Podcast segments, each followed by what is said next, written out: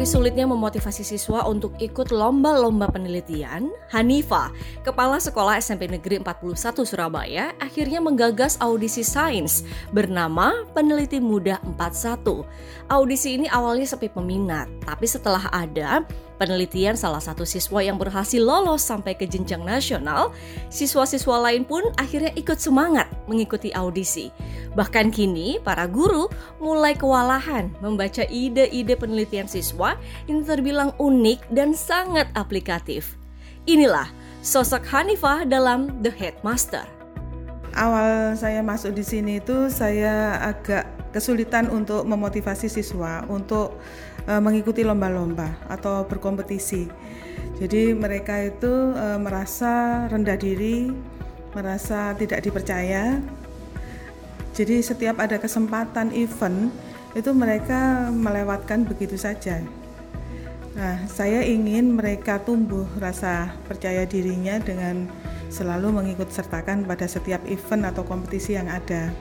Yang paling uh, banyak itu event itu adalah penelitian. Dan saya pikir itu cocok dengan dunia anak-anak.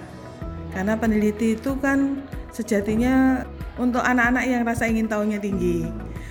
Asalkan mereka tekun kemudian e, mereka rajin mereka akan bisa melakukan penelitian tentunya kalau anak SMP pasti dibimbing oleh bapak ibu guru itu mulai dari awal mengamati kemudian mereka mengumpulkan data kemudian mereka mengolah datanya, kemudian mencari literasinya, mencobanya, dan sampai mempresentasikan. Mereka juga harus pede pada saat mempresentasikan. Nah, saya bilang kalau kamu akan pede mempresentasikan karena kamu sudah mengalami sendiri prosesnya.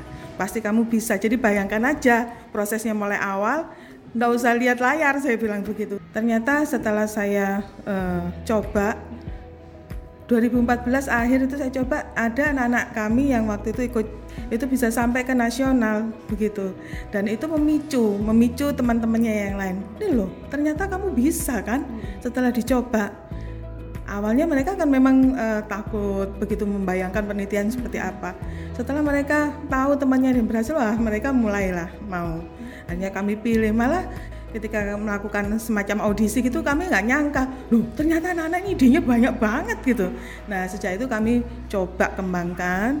Akhirnya sampai tahun sekarang sudah tahun generasi keempat itu kita sudah ada sekitar hampir 40 karya penelitian anak yang sudah kami bukukan. Keberhasilan Hanifah membiasakan anak-anak dengan sains ternyata membuka pintu kesempatan lainnya. Banyak dari ide-ide penelitian siswa yang hingga kini jadi program andalan sekolah. Di antaranya membuat es krim dari kulit kacang hijau. Kami punya ikon satu lagi yaitu es krim es krim Figna namanya. Nah itu juga berangkatnya dari hasil penelitian anak-anak peneliti muda. Jadi pada saat 2015 kita mengikuti lomba di BLH Kota Surabaya tentang pengelolaan makanan. Eh, kemudian anak-anak itu eh, berhasil eh, menciptakan ya makanan baru es krim tadi itu dengan bahan dasar kulit kacang hijau. Karena hasil penelitiannya itu ternyata kulit kacang hijau itu lebih besar vitamin B-nya daripada kacang hijaunya. Nah, akhirnya dari situ anak-anak, oh kita buat es krim aja ya sudah dibuat es krim. Ya uh, sampai saat ini kami masih memproduksi itu pada saat-saat ada tamu, kemudian ada yang mesen juga, uh, kita juga bisa memenuhi itu.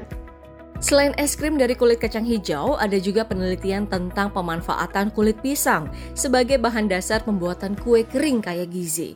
Di dalam kulit pisang ternyata banyak kandungan karbohidrat, protein, kalsium, fosfor, zat besi serta vitamin B dan C yang kadang terbuang sia-sia begitu saja. Dan tidak hanya itu, ada juga penelitian ramah lingkungan tentang edible plate atau piring yang bisa dimakan dari bahan kulit kacang hijau dan ketela pohon. Itulah tadi sosok Hanifa, kepala sekolah SMP Negeri 41 Surabaya yang pernah menjadi The Best Headmaster Eco School 2015 dan meraih peringkat kedua sebagai kepala sekolah berprestasi tingkat nasional.